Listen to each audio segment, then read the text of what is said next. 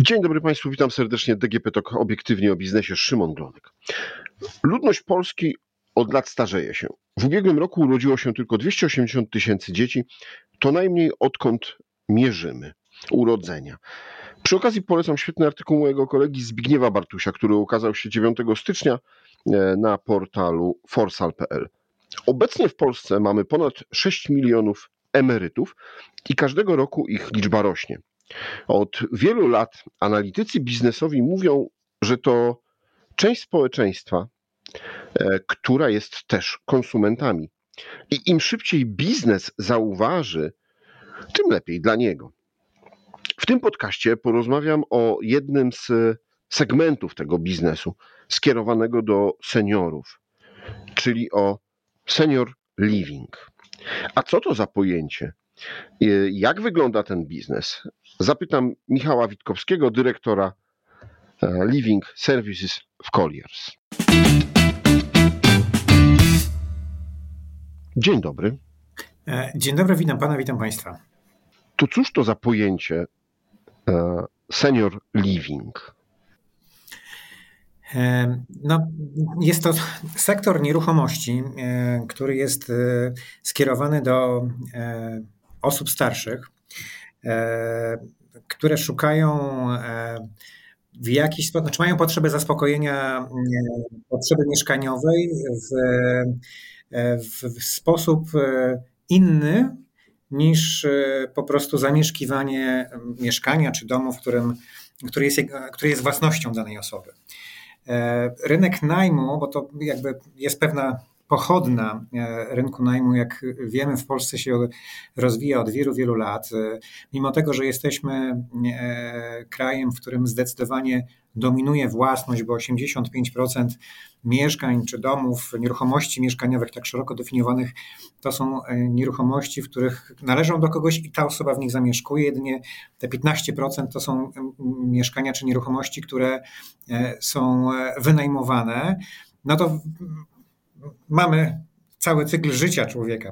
Mamy, e, zakładając, że e, zaczyna się ten cykl życia powiedzmy od, e, od życia studenckiego, mamy akademiki, potem mamy budynki, które są całe wynajmowane tak, przez inwestorów, no aż po, po właśnie kres życia i takie projekty są już w Polsce. One należą albo do prywatnych właścicieli albo do mm, samorządów, czy to domy pomocy społecznej, czy właśnie obiekty senioralne, w których są starsze osoby, z definicji nie są właścicielami tych obiektów, tylko je zamieszkują podczas, znaczy w jesieni swojego życia. Mhm. E, kto zapewnia, bo tu już Pan trochę powiedział, ale tą opiekę senioralną, e, czy to leży na państwie, na samorządach? Na ile tu sektor prywatny jest w to zaangażowany? E, to zależy. E, to zależy jakby od e, też powiedzmy takiego podsegmentu, który, który bo, bo sam sektor senior living ma oczywiście też podsegmenty. Wyróżniamy takie koncepty, które nazywamy independent living, gdzie mamy po prostu osoby starsze, e, które żyją, e, które nie potrzebują jakby żadnej opieki, natomiast potrzebują pewnej asysty i, i, są gotowe jakby kupować czy wynajmować mieszkania, które są sformatowane pod kątem osób starszych. Znaczy, wiadomo, że, że z jednej strony prawo budowlane mówi o tym, że takie mieszkania powinny być dostępne dla, dla wszystkich osób, ale jednak jest, jest pewna E, pewna ilość e, takich e, implementacji na projektach, które sprawiają, że takie mieszkania są bardziej dostępne dla osób starszych, nawet jeżeli one są zdrowe. Więc mamy independent living, mamy assisted living, gdzie, gdzie to są mieszkania, gdzie jest ta asysta, no to są mieszkania dla osób, które potrzebują jakiegoś wsparcia, ale jeszcze nie takiej pełnej opieki medycznej. No i mamy opieki, które są właśnie, kategoryzujemy jako healthcare, no to, to tam już jakby ta opieka medyczna jest. No, to, to e, oczywiście jakby ten, e, ta pomoc jest e, e, potrzebna na różnym etapie życia i, i, i, dotyczy różnych jakby schorzeń. No ale mamy takie trzy podstawowe, e, trzy podstawowe segmenty tego, tej klasy aktywów. I w zależności od, od tego, czy mówimy o independent living, czy assisted living, czy o domach takich opieki już medycznej, no to, no to mamy przede wszystkim różnych decydentów, osoby, które podejmują decyzję, czy chcą skorzystać z takiej formy zamieszkania. E, bo w przypadku assisted living czy, czy, czy independent living to podejmuje to po prostu wprost osoba starsza. W przypadku tych e, domów opieki, które już e, zakładają tą opiekę medyczną, to bardzo często to są najbliżsi, tak? no bo, bo, bo bywają takie sytuacje, że ta osoba, która trafia do takiego ośrodka, po prostu samodzielnie już takich decyzji podejmować nie może. Więc no mamy, mamy całe spektrum z jednej strony i, i decyzyjności, i w jakimś sensie finansowania. Oczywiście w krajach bardziej rozwiniętych e, pojawia się też e, pewnego rodzaju wsparcie państwa. Jeżeli chodzi o Polskę, to, to tutaj mówimy przede wszystkim jednak o, e, o, koszt, no, o tym, że koszty są poniesione wprost albo przez osoby, które są, korzystają jakby z takich ośrodków, albo przez, no, przez najbliższą rodzinę, powiedzmy tak. Mhm. Czy biznes, e, czy inwestorzy, którzy są na tym rynku, e, są bardziej chętni do wejścia czy w assistant living, czy w independent living? E, czy nie ma to różnicy i jakby w każdym z tych podsegmentów jest zaangażowanie prywatne? Mhm. No, mamy dzisiaj mm, około tysiąca takich ośrodków, które oferują opiekę medyczną.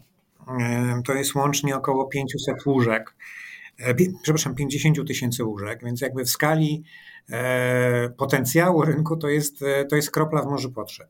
Bo mówimy o tym, że dzisiaj, jeżeli spojrzymy na demografię, to osób powyżej 65 roku życia to mamy ponad 7 milionów i teoretycznie 5 tysięcy, 50 tysięcy łóżek. Część z tego to jest, to jest zasób należący do osób prywatnych.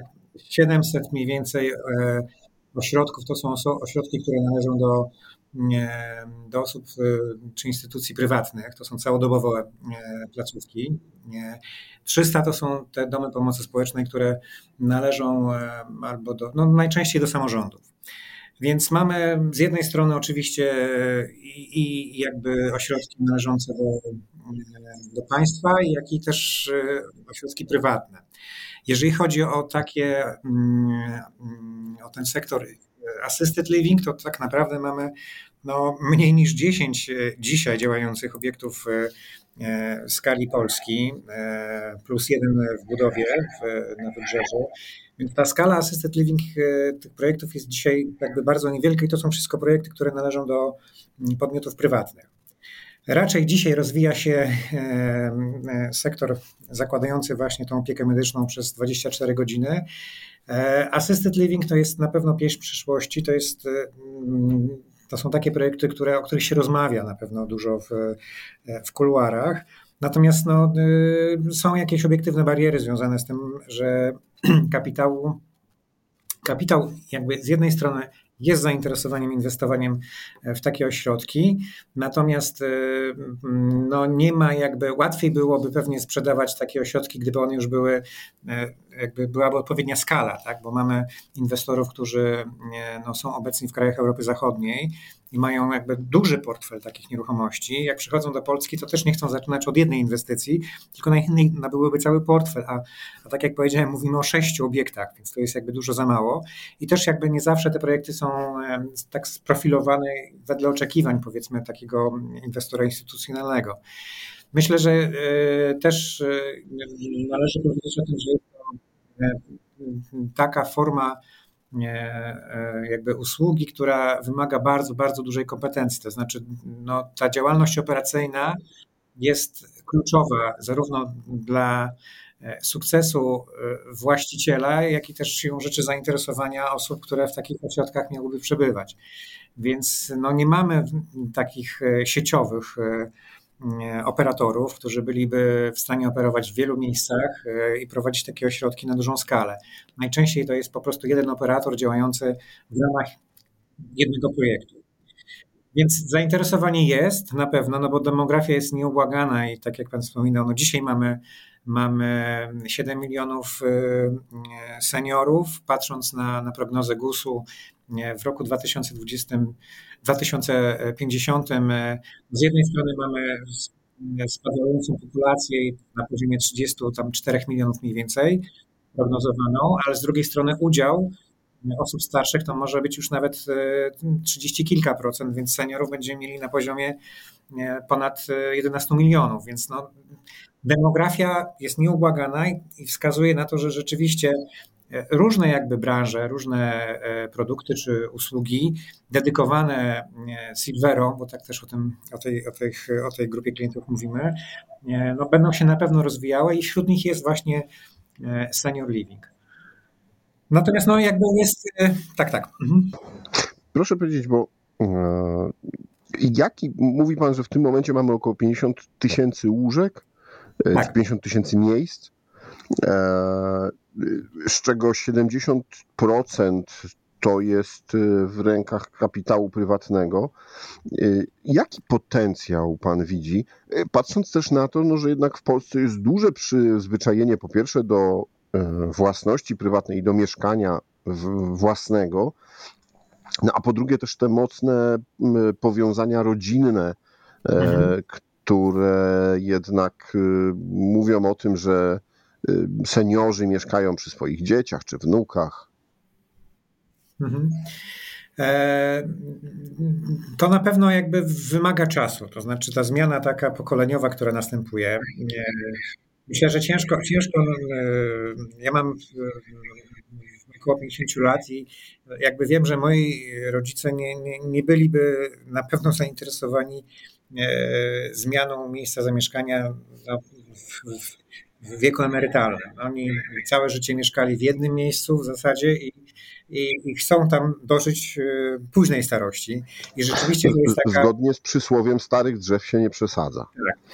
E, natomiast, e, natomiast e, myślę, że mm, no, z jednej strony będziemy żyli dłużej, ale też jakby nowe pokolenia będą się wchodziły w wiek emerytalny, które jednak po pierwsze są jakby dużo bardziej elastyczne, jeśli chodzi o, o kwestie związane z, z tym, gdzie mieszkam i gdzie pracuję. Te zmiany życiowe były dokonywane dużo częściej niż w przypadku pokolenia naszych rodziców, więc ta elastyczność i zainteresowanie taką formą e, zamieszkania myślę, że będzie rosła po prostu z definicji, tak? bo, bo troszeczkę inaczej patrzymy i postrzegamy świat.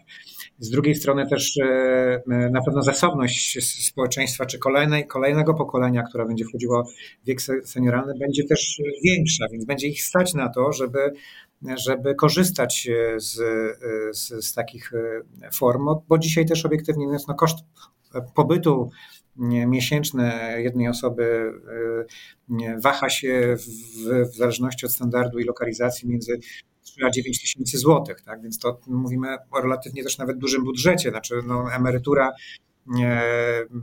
wielu Polaków nie wystarcza po prostu na to, żeby móc korzystać po prostu z takiego, z takiego obiektu. E, natomiast no, to, jest, to jest proces, tak? Znaczy demografia wskazuje, że, że będzie No tak, ale jeśli, jeśli patrząc dzisiaj na perspektywy i nie wiem, chęć zainwestowania e, mhm. w taki biznes, e, no to te 50 tysięcy to jest 1%, 10%, 50% zapotrzebowania w najbliższych latach? Czy możemy liczyć, że ten rynek w ciągu tam, nie wiem, kilku, bo taka inwestycja pewnie trwa, postawienie, adaptacja, e, wszystkie pozwolenia i w ogóle, no to powiedzmy, że nie wiem, za 5 lat e, ten rynek, e, czy, czy potrzeby będą na 100 tysięcy, 150 tysięcy miejsc w, w takich ośrodkach? Te liczby mogą być nawet dużo większe, bo potrzeby w zasadzie to, to są naprawdę, no mamy ponad 7 milionów e, e, no, osób w wieku senioralnym, więc baza łóżek jest, to jest mniej niż 1%, więc potencjał na pewno jest duży po prostu patrząc na, na skalę potencjału rynku. Większe wyzwanie będą te czynniki związane z dostępnością cenową, znaczy czy ile osób będzie stać na to, żeby rzeczywiście pokrywać koszty E, pobytu w takich ośrodkach. I to mówię z perspektywy zarówno tych osób senior, seniorów sensu stricte, jak i tych osób, które no, musiałyby pokryć ewentualnie, jeżeli sam senior nie jest w stanie e, pokryć kosztów utrzymania. Więc, więc to jest to, między 3 a 9 tysięcy złotych, tak jak powiedziałem, e, w, w skali kraju. Najtańszy ośrodek jest w Łodzi, z tego co sprawdzaliśmy w ramach raportu, który ostatnio wydaliśmy, to, to w granicach 3000, jeżeli chodzi o te środki prywatne, a najdroższy był na poziomie 9 tysięcy też w Warszawie. Więc skala jest dosyć, jakby ten, ten, te widełki są dosyć e, duże.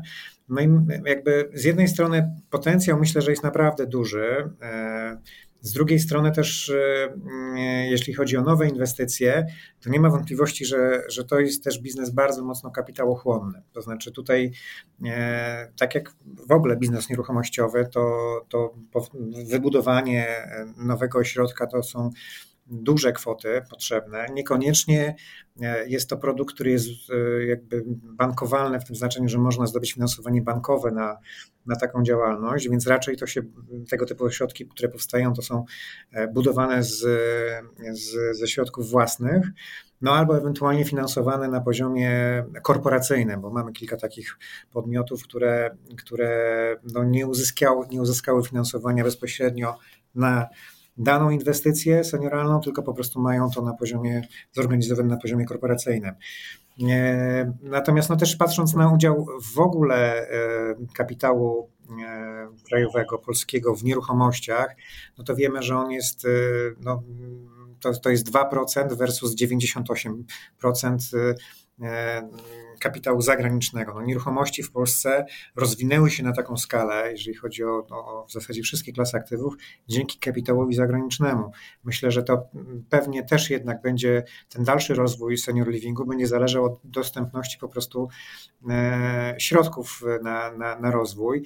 Nie mając jakby chociażby takiego instrumentu, jakim są, jakim są REITy, które pozwalają inwestować w różne aktywa przynoszące trwały, przewidywalny dochód osobom indywidualnym bez konieczności inwestowania jakichś dużych środków, no to pewnie, pewnie ta skala też rozwoju będzie nie tyle pochodną strony popytowej, co możliwością de facto sfinansowania tego typu obiektów. A z punktu widzenia kapitału zagranicznego, no to największą, największą bolączką nie jest jakby kwestia oszacowania popytu, bo, bo ona jest po prostu, e, duże liczby działają, natomiast e, no właśnie brak, brak e, właściwego operatora, tak?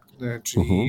Czyli rozumiem, że barierą nie jest kwestia nawet ani braku finansów, ani potrzeb na rynku, tylko barierą w rozwoju tego segmentu jest e, taki kłopot, że nie dostęp ma do kapitału. Dostęp do kapitału, no ale kapitał za granicą jest, tylko że ten kapitał e, chciałby kupić gotowe e, rozwiązania, a niekoniecznie inwestować w ich budowę i czekać e, długotrwale w zwrot. To jest, to jest najprostsza oczywiście e, metoda wejścia na rynek, po prostu kupienie gotowych projektów. Przy czym no mamy blisko 700 e, obiektów, należą do osób prywatnych, ale tak jak powiedziałem, standard tych, e, tych obiektów, czy format, skala nawet, nie zawsze odpowiada jakby zainteresowaniom i pewnego, pewnej rodzaju wizji, która która jest u takiego inwestora strategicznego, który ma sieć placówek w krajach zachodnich i chciałby wejść do Polski. Można, mogę sobie wyobrazić taką sytuację, że pewnie dałoby się przeprowadzić jakąś konsolidację, e, być może w ramach, w ramach tych 700 wybrać E, takie obiekty, które, które mm, można by było e, w ramach jakiegoś portfela po prostu przedstawić do nabycia takiemu inwestorowi strategicznemu, no ale to jest wiele takich czynników, które po prostu nad którymi nie ma, nie ma kontroli. Raczej przewiduje, że będą... No, e, rozumiem, że dzisiaj w te, te, te 700 ośrodków, większość z nich, no to tak jak cały polski biznes, to są firmy, nieduże firmy rodzinne. Dokładnie, to są bardzo często budynki, które w, w, skali, tak? To są budynki jakieś jednorodzinne, mniejsze lub większe, tak? które zostały dostosowane po prostu do e, pobytów, pobytów e, osób starszych. Podczas kiedy e, takie obiekty senioralne na zachodzie, to one bardziej jednak przypominają takie inwestycje znane nam z budownictwa wielorodzinnego. Tak? I to raczej jest tego typu produkt pewnego rodzaju standaryzacja procesów, budowy, e, e, struktury, tak, to, to tutaj ta, ta krzywa uczenia po prostu jest zaaplikowana i te projekty są po prostu powtarzalne z punktu widzenia e, no, danego inwestora.